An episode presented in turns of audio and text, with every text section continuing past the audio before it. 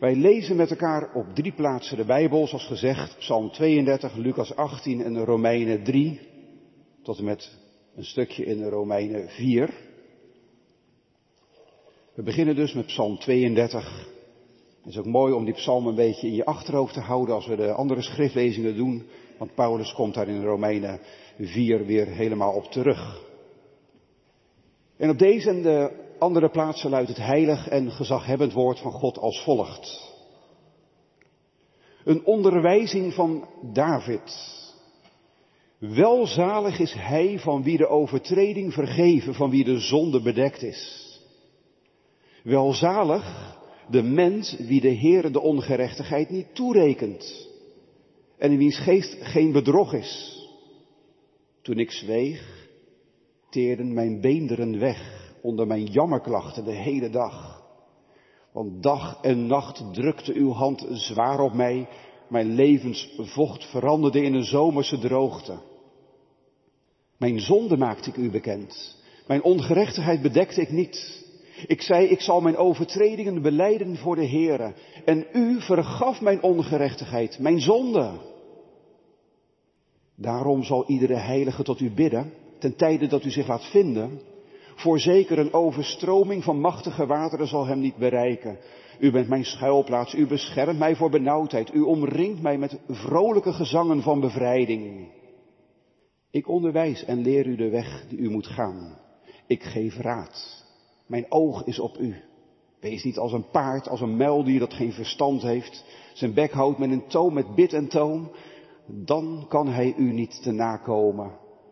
De goddeloze heeft veel smarten. Maar wie op de Heere vertrouwt, hem zal de goede tierenheid omringen. Verblijd u in de Heere en verheug u rechtvaardigen. Zing vrolijk alle oprechten van hart. Onze tweede schriftlezing is Lucas 18 en daarvan vers 9 tot en met 14. En Jezus sprak ook met het oog op sommigen die van zichzelf overtuigd waren dat zij rechtvaardig waren en alle anderen minachten deze gelijkenis. Twee mensen gingen naar de tempel om te bidden. De een was een fariseer en de ander een tollenaar. De fariseer stond daar en bad dit bij zichzelf. O God, ik dank u dat ik niet ben zoals de andere mensen, rovers, onrechtvaardige overspelers of ook zoals deze tollenaar. Ik vast twee keer per week, ik geef tienden van alles wat ik bezit. En de tollenaar bleef op een afstand staan en wilde ook zelfs zijn ogen niet naar de hemel opheffen, maar sloeg op zijn borst en zei, O God, wees mij de zondaar genadig. Ik zeg u, deze man ging gerechtvaardigd terug naar zijn huis in tegenstelling tot die anderen. Want ieder die zichzelf verhoogt, zal vernederd worden. En wie zichzelf vernedert, zal verhoogd worden. En nu onze laatste schriftlezing uit Romeinen 3. Vanaf vers 21 tot en met 4, vers 8.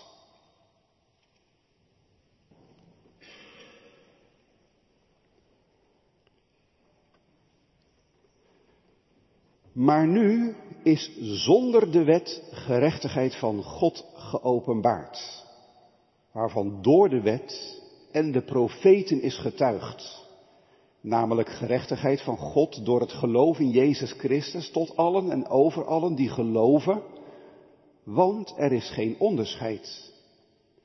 Want allen hebben gezondigd en missen de heerlijkheid van God en worden om niet gerechtvaardigd door Zijn genade, door de verlossing in Christus Jezus.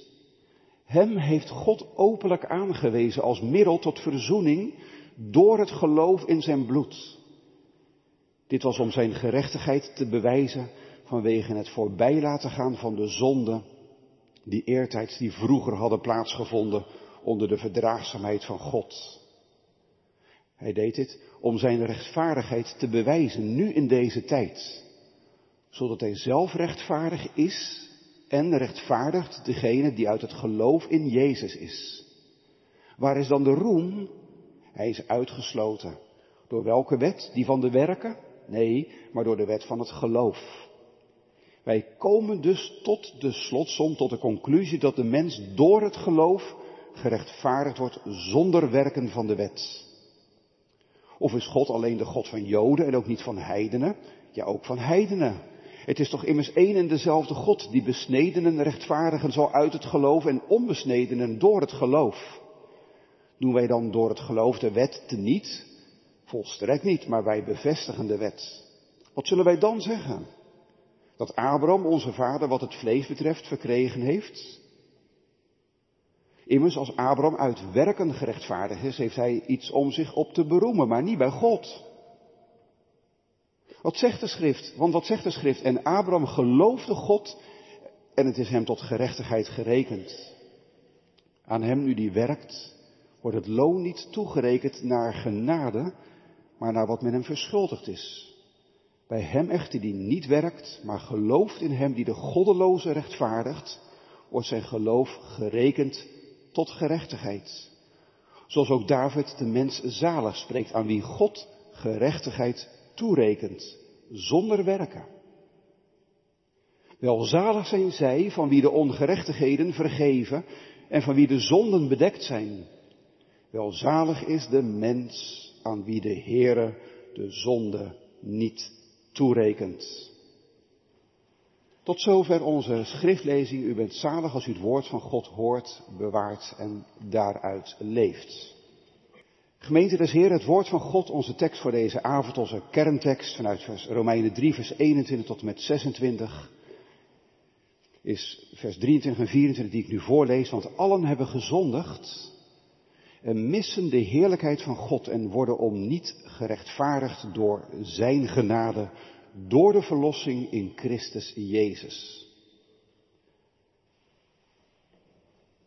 Het gaat dus vanavond over het zesde van de zeven woorden waar het echt om gaat. En dat is het woord rechtvaardiging.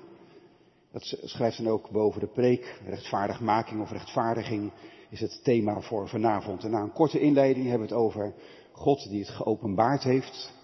Dat lezen wij in vers 21 en 22. Wat om ons geloof vraagt, vers 22b en 23. En dan gaat het over rechtvaardiging, hoe God het doet en waarom God dan toch ook rechtvaardig is. Dat is het laatste. Dus geopenbaard, geloof, rechtvaardiging en rechtvaardig. Gemeente, wanneer denken wij eigenlijk aan recht?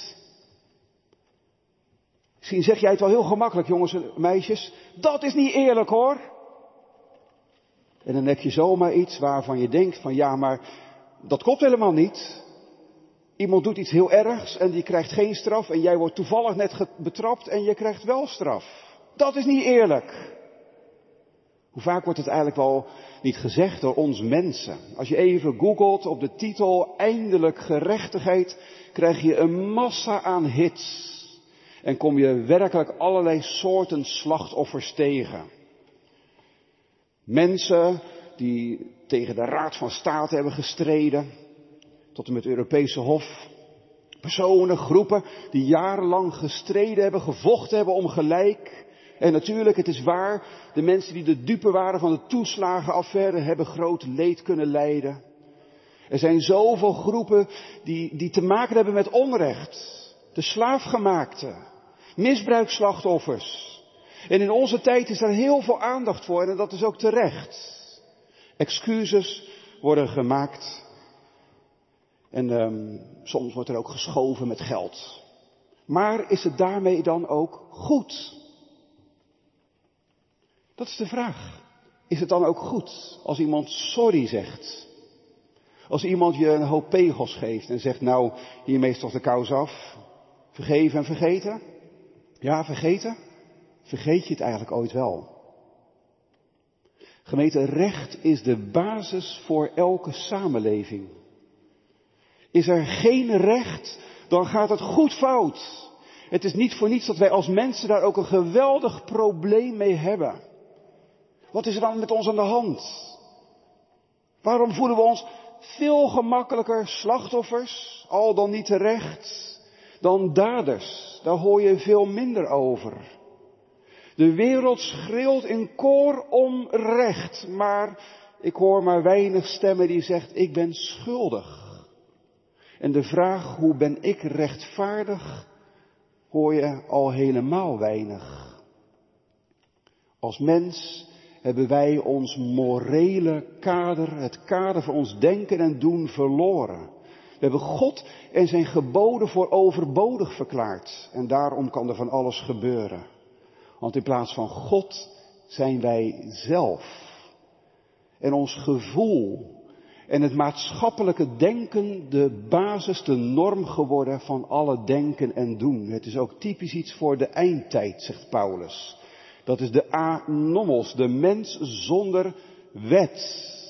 Dat moet wel in een steeds grotere vorm tot rechteloosheid leiden. Gemeente, laten we het kort en goed zeggen, de wereld heeft het evangelie nodig. En daarin openbaart God zijn rechtvaardigheid. Zijn gerechtigheid komt daar heerlijk aan het licht. En dat vormt dan ook de basis voor het thema voor vanavond, rechtvaardigmaking. Wat is nou rechtvaardig? Dat je leeft naar Gods wet. En wanneer word je rechtvaardig gemaakt? Dat God zegt, wanneer ik jou zie, in één oogopslag met mijn zoon Jezus, dan verklaar ik jou voor volkomen rechtvaardig. Dan is er geen schuld, geen zonde wat je nog kenmerkt. Dat heb je nodig. En daarom gaan we er vanavond van horen. Allereerst vanuit het evangelie. God heeft het geopenbaard. Dat is wereldnieuws, gemeente. Dat is de boodschap die de wereld nodig heeft. In de wereld die wij met elkaar vormen is maar weinig gerechtigheid te zien. Misbruik en onrecht zijn aan de orde van de dag. En dat maakt je ontzettend dankbaar voor de rechtsstaat waar wij, waar wij in leven. Al is niet Gods wet de norm voor alles wat veilig en heilig moet zijn op het gebied van leven, seksualiteit en gender. We kunnen als we maar binnen de kaders van de Nederlandse wet blijven, doen wat we willen. Maar God past zijn norm niet aan.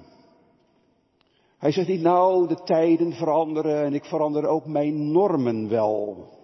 Hij past zijn norm niet aan. En als je die norm, zijn wet naast ons mensen legt, dan kan je kort of langer over praten, maar dan is de conclusie helder. Dan is er niet één mens rechtvaardig. En God ontneemt ons daarbij onze slachtofferrol. Je zegt, oh wat zielig, je kan er ook niks aan doen.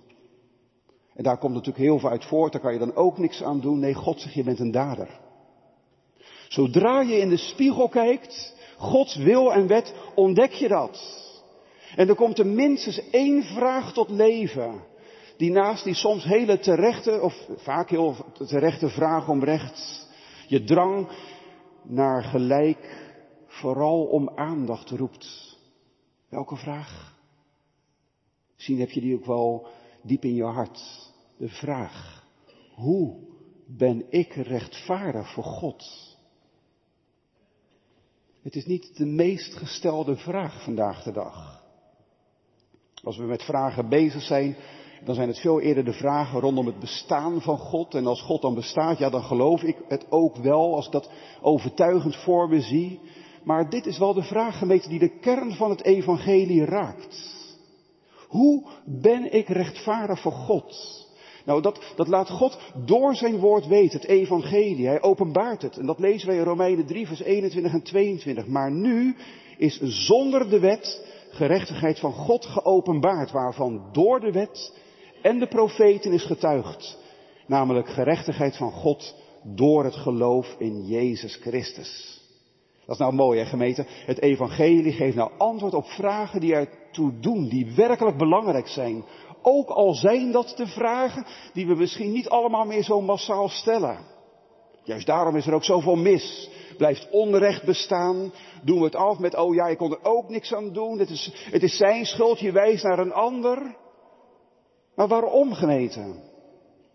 Omdat wij zondaren in deze wereld de neiging hebben om onszelf te rechtvaardigen. Niet God en zijn wet vormen de norm, zei ik, maar ons eigen oordeel, onze eigen mening, ons eigen gevoel. Het voelt niet slecht, dus het is ook niet slecht. En dat kan zelfs heel, heel godsdienstig eraan toegaan, zoals bij Paulus bijvoorbeeld. Hij herkent dat in ieder geval bij zichzelf, wat ik nu voor u schets. En hij schrijft aan de Filippenzen hoe hij erop vertrouwde. Ik ben op de tijd die ervoor stond besneden op de achtste dag, een echte Jodus, wat betreft de wet een fariseer, wat de rechtvaardigheid betreft die in de wet is, onberispelijk. Paulus durfde dat werkelijk te zeggen. Als ik naar de wet van God kijk, dan zie ik geen enkel vuiltje in mijn leven. Maar nu ligt het allemaal bij de vuilnis. Want Paulus heeft anders leren kijken. Of je nou een wetsgetrouwe Jood bent, of een nette heiden, in het licht van Gods wet blijkt dat er geen mens rechtvaardig is. Ook niet één. Als je dat zo hoort, hè, dan is dat toch gemeend om door de grond te zakken. Als het zo ervoor ligt, en het ligt er zo voor, dat God zegt, er is er zelfs niet één. En dat God wet, Gods wet vertelt, de hele wereld ligt op één grote hoop, veroordelenswaardig. En om het nog zwarter te schetsen, want dat is het, als mens zal je nooit volledig aan Gods wet beantwoorden. Al ga je in een klooster ergens hoog in de bergen, ver bij de mensen vandaan. Eén zondige gedachte, één zondig gevoel, één zondig verlangen is al genoeg. Als je dat beseft, hè, is de strijd die Luther in de middeleeuwen voerde geen vreemde strijd, geen achterhaalde strijd. In het geloof kan het ook niet anders. Dit is de vraag die in uw en mijn leven roept om antwoord. Hoe ben ik rechtvaardig voor God? In ieder geval niet door als fariseer keihard je best te gaan doen. Maar nu is zonder de wet gerechtigheid van God geopenbaard, zegt Paulus dan. God openbaart zijn gerechtigheid, hij laat het zien. En dat is het goede nieuws, de blijde boodschap, het evangelie, dat, wat, wat Gods gerechtigheid helemaal aan de dag brengt. Gerechtigheid waarmee je het wel redt, waarmee je straks voor Gods rechterstoel niet van een koude kermis thuiskomt. Het evangelie is de heerlijkste, de meest bevrijdende boodschap. Het reddende nieuws van God. Jij redt het niet. U redt het nooit, maar je wordt gered. Dat is wat het evangelie ons voorhoudt en leert. Het evangelie is Gods antwoord op deze wereld, verloren in zonde en schuld. Het antwoord op alle ellende en misstanden van beneden. De zee aan onrecht en misstanden die wij met elkaar veroorzaken, omdat wij van God losgeslagen zijn. De wereld die helemaal veroordelenswaardig is, mag dit horen tot redding, tot bevrijding. Je wordt gered door Gods gerechtigheid. De wet en de profeten die getuigen ervan, zegt Paulus. Kijk, in het Oude Testament wordt het ook al gezegd. Psalm 40 bijvoorbeeld. Ik vind er vreugde in, mijn God, om uw welbehagen te doen. Ik breng de blijde boodschap van de gerechtigheid. Daar heb je een oud-testamentisch voorbeeld van, van, van de verkondiging van het evangelie. Goed, terug naar Romeinen. Hier vers 22 zegt dan, Gods gerechtigheid wordt geopenbaard. Hij doet het uit het doeken. Hij laat het zien. Hij laat het horen. En die gerechtigheid wordt geopenbaard door het geloof van Jezus Christus. Dat vraagt even proeven wat je nou hier eigenlijk hoort. Door het geloof van Jezus Christus. Word je dan zalig omdat de Heer Jezus geloofde? Nee, Paulus zegt, de Heer Jezus is zo geloofwaardig. Hij is zo betrouwbaar dat je het mag en kan en zal geloven. Jezus, daar moet je zijn, onze zaligmaker. Hij beantwoordt aan de hoogste eisen van de wet van God. En zijn leven is volkomen in overeenstemming met Gods wet. Volmaakt. En God offert hem op. Hij neemt de plaats in van zondaren. Hij neemt onze zonde en ongerechtigheid over. Hij wordt veroordelenswaardig. Hij sterft als onrechtvaardig in het oordeel van God aan het kruis. En hij staat op tot onze rechtvaardiging. Wij ontvangen door het geloof zijn volmaakte gerechtigheid.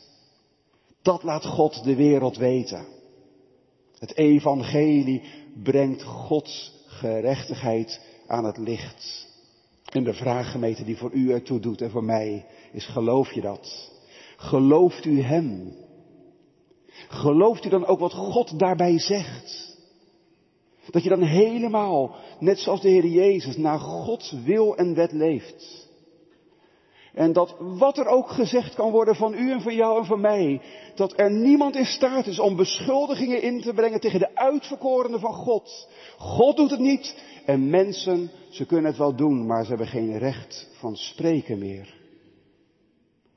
Dat is het eerste gemeente. De boodschap van het evangelie, de geopenbaarde gerechtigheid van God. God laat het weten. Nu gaan we verder. Met geloof. Even terughalen wat ik eerst heb uitgelegd. God heeft zijn gerechtigheid geopenbaard. Hij laat het je zien, hij laat het je horen. Het is de vervulling van de Bijbel, de schriften, de profeten. Het blijkt in Christus. Hij is het die ons tot God brengt en ons met God verzoent. En dat is nou evangelie, zegt Paulus. Dat is Gods kracht tot zaligheid voor een ieder die gelooft. En daarin wordt Gods gerechtigheid geopenbaard, uit geloof tot geloof. En dan komen we bij het volgende stukje van vers 22 en 23. Tot allen en over allen die geloven. Want er is geen onderscheid. Want allen hebben gezondigd en missen de heerlijkheid van God. God laat het allemaal zien en horen. Hij legt daarin al zijn goddelijke kracht. Terwijl hij daar geen geweld voor nodig heeft. Hij laat ons bewegen tot geloof. Daar ging het over in de vorige keer. De verzoening. Dat God bidt. En dat God bij wijze van spreken voor u en voor jou op de knieën gaat. En je smeekt, oh kom toch, laat je met mij verzoenen. God doet alles om u en mij tot geloof te brengen. Want de rechtvaardige zal door het geloof leven, zegt een andere profetische stem. Geloof, is onmisbaar. Of je nou de cipier van Filippi bent, of tijdens de Pinkste dagen, dus één van die vele mensen staat daar op het plein. Steeds is het antwoord, geloof in de Heer Jezus Christus en u zult zalig worden. En als dat het antwoord is, dan moet de Jood stoppen met de werken van de wet. En kan de Griek zijn wereldse wijsheid en zijn doen en laten bij de vuilnis achterlaten.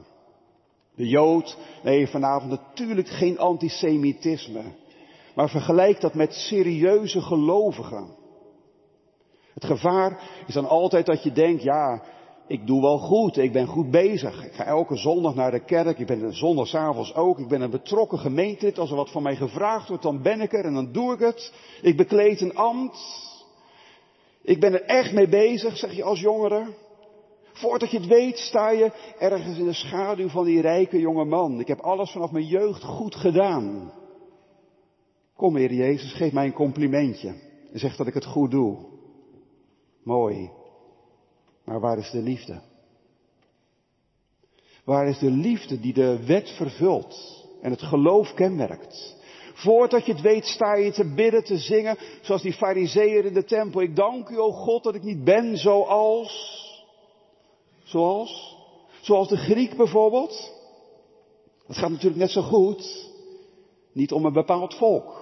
In de tijd van de Bijbel was dat de notoire heiden die een leger aan afgoden aanbad, een heel pantheon had.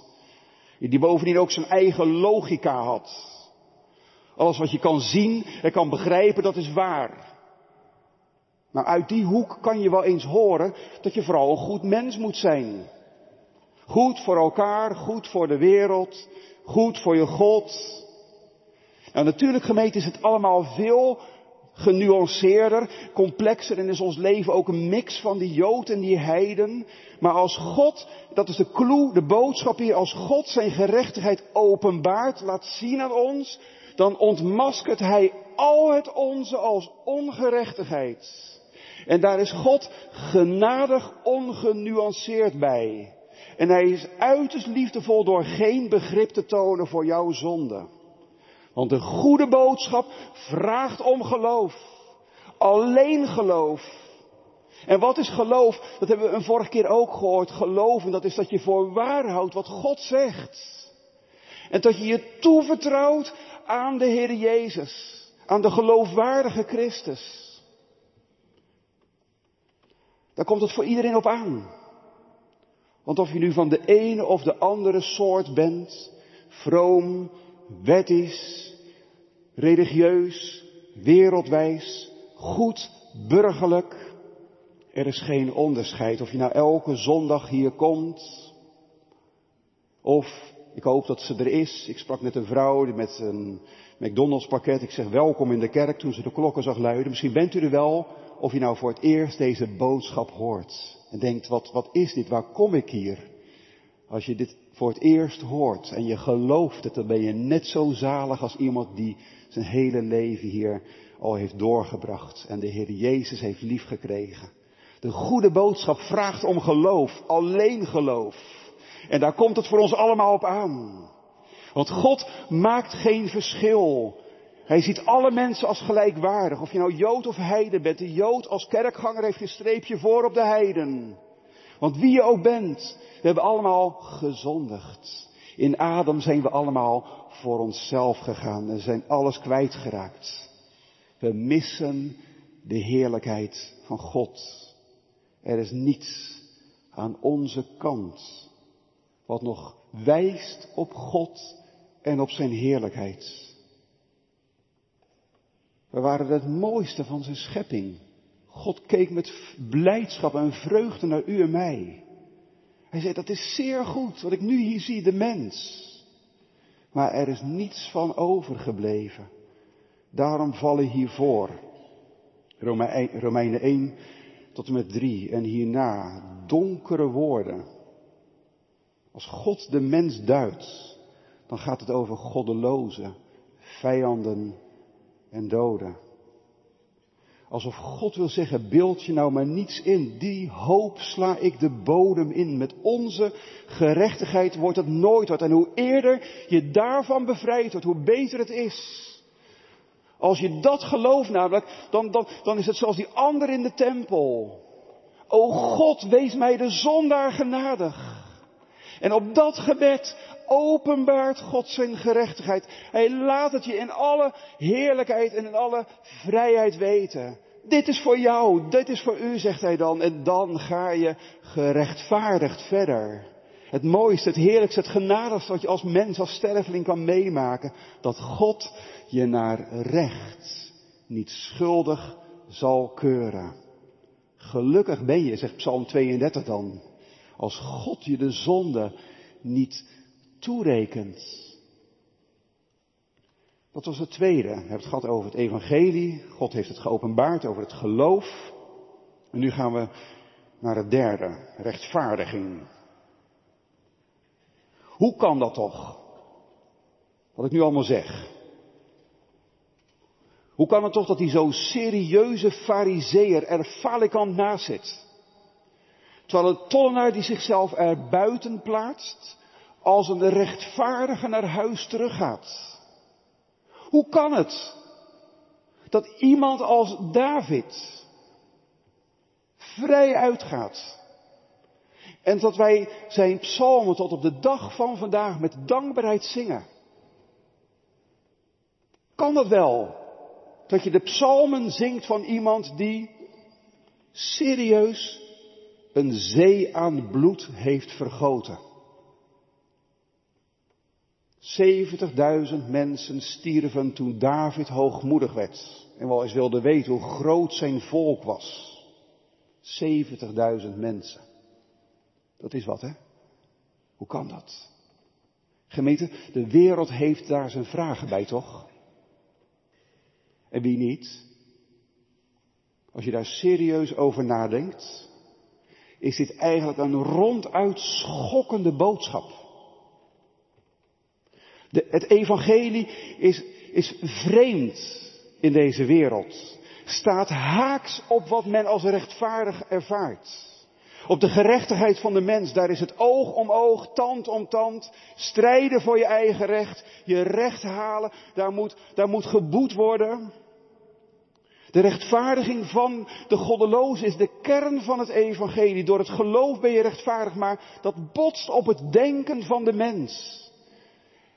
En daarom schrijft Paulus zulke moeilijke dingen, maar hij doet het om het ons makkelijker te maken. Hij legt ons hier uit hoe dat zit. En zo lezen wij vers 24 en 25, want allen worden om niet gerechtvaardigd door zijn genade, door de verlossing in Christus Jezus. Hem heeft God openlijk aangewezen als middel tot verzoening door het geloof in zijn bloed. Heel erg belangrijk gemeente, zeker bij dit soort ingewikkelde schriftgedeeltes, om de doorgaande lijn voor jezelf ook helder te houden. God openbaart zijn gerechtigheid tot allen en over allen die geloven. Of je nou wel of niet religieus bent, zonder onderscheid. We missen allemaal de heerlijkheid van God. En worden allen om niet gerechtvaardigd. En daar gaan we nu verder mee. Hoe kan die tollenaar als goddeloze komen en als rechtvaardige naar huis gaan? Of om dat andere voorbeeld maar weer aan te halen. David is natuurlijk veel bekender van Uria en Bathseba. Hoe kan hij toch een kind van God zijn en een kind van God blijven? David wordt genoemd als voorbeeld in Romeinen 4, vers 6 tot en met 8. En dan zie je ook meteen hoe dat kan. God rechtvaardigt David, dus God maakt David tot een rechtvaardige. Dat doet hij niet zelf. Dat doet de tollenaar niet zelf. Dat moeten wij ook maar niet zelf doen. Als je jezelf rechtvaardigt, dan ben je net zoals die fariseeën, die rijke jonge man. En ga zomaar door. Een vergissing met fatale gevolgen. Hoe dan wel? Nou, de rechtvaardige Paulus, ook wel bekend als de misdadiger Saulus, legt het ons dan uit. Zoals ook David, de mens, zalig spreekt aan wie God gerechtigheid toerekent. Zonder werken. Welzalig zijn zij van wie de ongerechtigheden vergeven, van wie de zonden bedekt zijn. Welzalig is de man, de mens aan wie de Heere de zonde niet toerekent. Misschien heb je meegelezen, dat zou mooi zijn. En in je gedachten al dat dunne streepje gezet onder die twee keer dat het woord toerekenen valt. Daar draait het om. God als de allerhoogste rechter en de absolute majesteit rekent David, de tollenaar en iedereen die in hun spoor gelooft in de Heer Jezus, de gerechtigheid toe. Hoe doet hij dat? Hij verklaart jou, u, voor een rechtvaardige. Hij schrijft op jou en uw en mijn leven, op jou, uw en mijn rekening, de rechtvaardigheid die de Heer Jezus voor jou heeft opgebracht. Hij zegt, kijk, dat heeft hij nou allemaal voor jou gedaan. Ik zet het op jouw rekening erbij. Dit is voortaan voor jou. Alsof je zelf zo hebt geleefd en zo je leven hebt gegeven tot verzoening. Terwijl dat andere, al dat andere, van uw kerfstok wordt gehaald. Ik leg ook even de nadruk op al dat andere. In de korte tijd dat ik hier ben, heb ik ook wel gemerkt dat soms het verleden je blijft achtervolgen. Dat je denkt, ja, maar ik heb dat en dat in het verleden gedaan en daar kom ik eigenlijk niet van af. Dan kan de dominee tegen aanpreken. Dan kan ik het woord voorlezen, maar het lukt me niet. Al dat andere wordt van uw kerfstok gehaald. Niet door uzelf. Niet door het van je af te schudden. Niet door te denken, vergeven en vergeten, ik zal er maar niet meer op, op terugkomen in mijn hoofd en mijn hart. Maar door God als de allerhoogste rechter. Hij rekent je de zonde niet toe. De zonde waarvan de minste gedachte, het minste gevoel je al verdoemelijk maakt voor God. God is het die rechtvaardigt. En, en je zou kunnen zeggen, mag hij? Hij deed dat om niets. Daar komt niets van u, van mij, van ons bij, zonder de werken. Je kan heel serieus, heel oplettend, heel vroom, heel wettisch, heel activistisch worden, maar je wordt er niet rechtvaardiger door. God rechtvaardigt om niets. Door zijn genade. Hij geeft je niet wat je verdient. Maar je krijgt wat je niet verdient. Je krijgt niet het eeuwige oordeel, maar je krijgt de eeuwige gerechtigheid van God. En door genade is het volkomen recht tussen u en God. En onderling ook. Is ons leven volkomen zoals God het wil, naar zijn wet.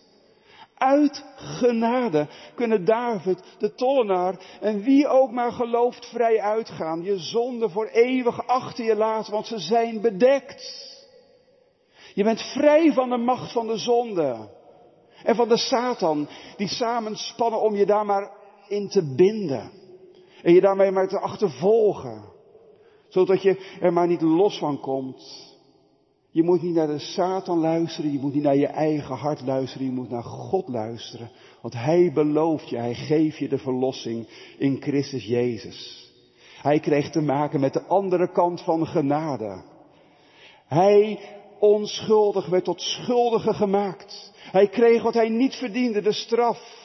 Hij stierf in het eeuwige oordeel van God over uw en mijn zonde. En daarom gemeente is het steeds geloof in de Heer Jezus en u zult behouden worden. Want zo heeft God dat de wereld laten weten.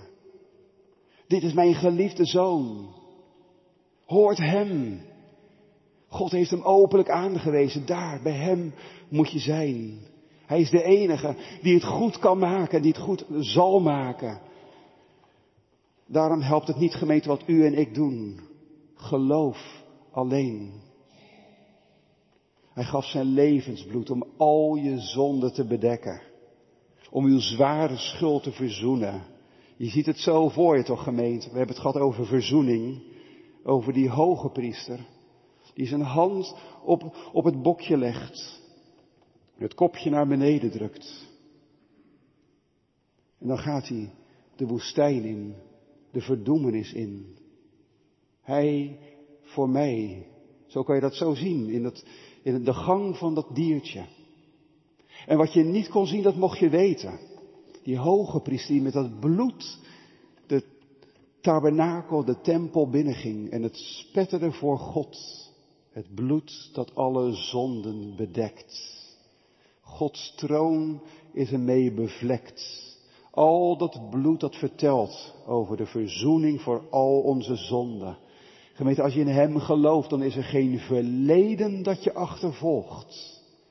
Is er geen heden dat je afschrijft.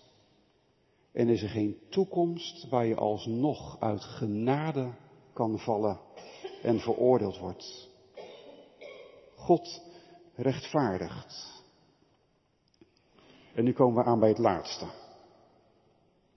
rechtvaardig. Dat is natuurlijk een heel klein verschil, maar wel even belangrijk. Want nog steeds voel ik die vraag wel, en misschien u ook wel. Is dit wel eerlijk? Is dit wel rechtvaardig? Als kritische buitenstaander en insider kan je denken, ja, lekker makkelijk hoor. Wordt er dan geen recht gedaan aan de slachtoffers? Je zou maar als Uria de dood zijn ingejaagd. Of als Batseba zijn misbruikt. Je zou maar een nabestaande zijn van die één van die 70.000. Je zou maar door Levi zijn afgezet bij zijn tolpoortje. Gaat het zo gemakkelijk? En is het evangelie niet ontzettend onrechtvaardig? Hoe kan iemand die straf verdient er zonder straf afkomen?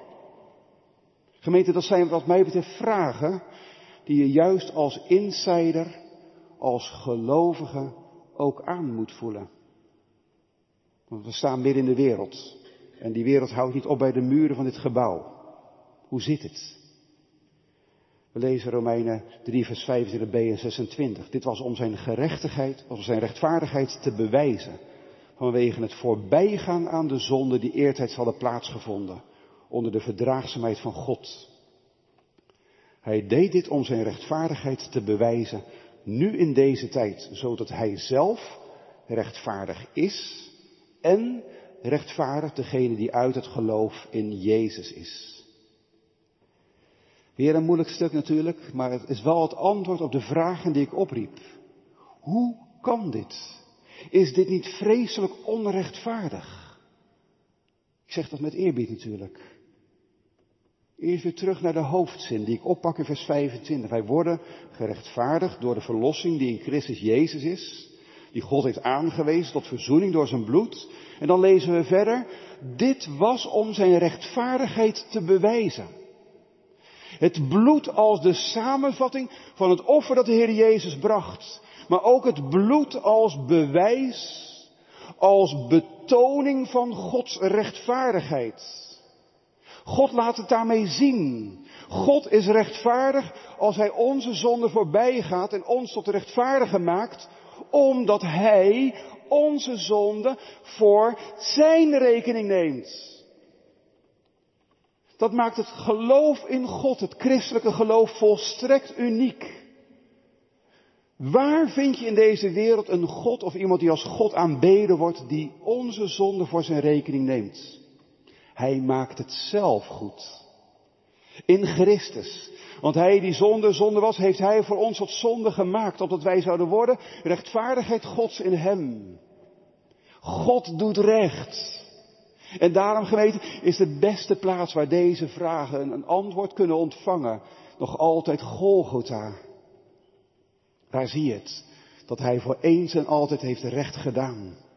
Daar heeft hij de schuld werkelijk afbetaald. En de Heer Jezus gaf de volle prijs. Daar heeft hij afgerekend met de zonde. En Christus ging er aan ten onder. Omdat God niet voorbij ging aan zijn zoon, kan en wil en zal hij voorbij gaan aan onze zonde van vroeger, vandaag en morgen. Je zondige karakter, je gevoelens, je uitingen, je maakt het zelf nooit goed. Nog bij God, nog bij een ander. Wat is ons excuus naar iemand waard? Als David sorry zegt, heeft Bathseba haar Uria nog niet terug en draagt nog steeds zijn kind in haar buik. Als de tollenaar sorry zegt, zijn er nog steeds heel veel mensen die een gat in hun portemonnee hebben. Het ontslaat de tollenaar natuurlijk niet van de plicht om zijn gedupeerden te vergoeden en ons om sorry te zeggen.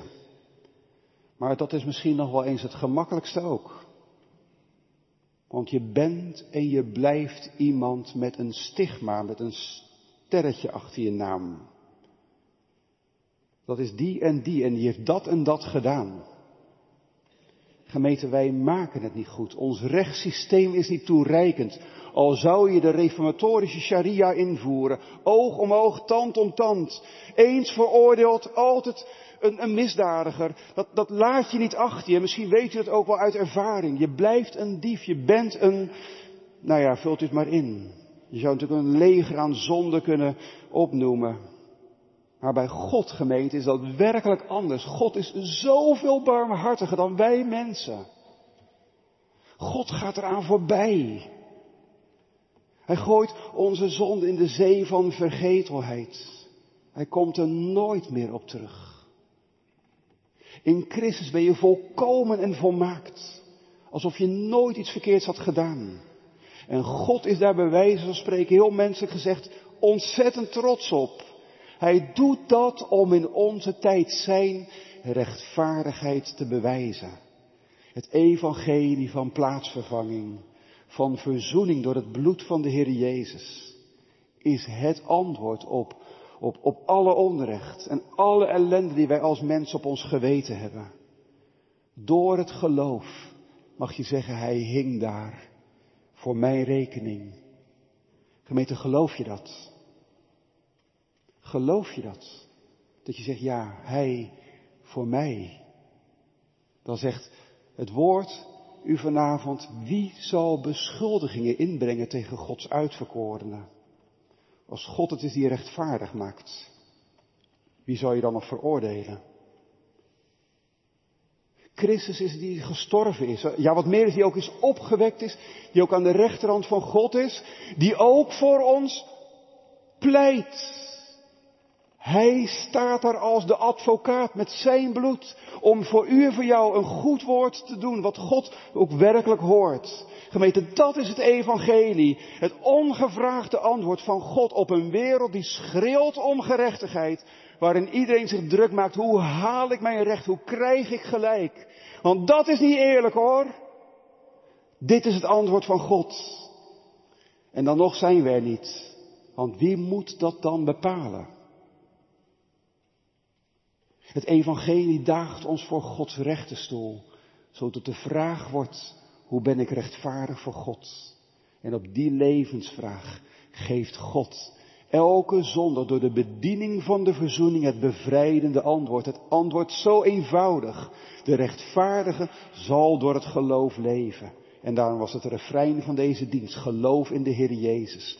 En u zult zalig worden. Want Christus is onze gerechtigheid. Zonder Christus wacht je het eeuwige oordeel en terecht.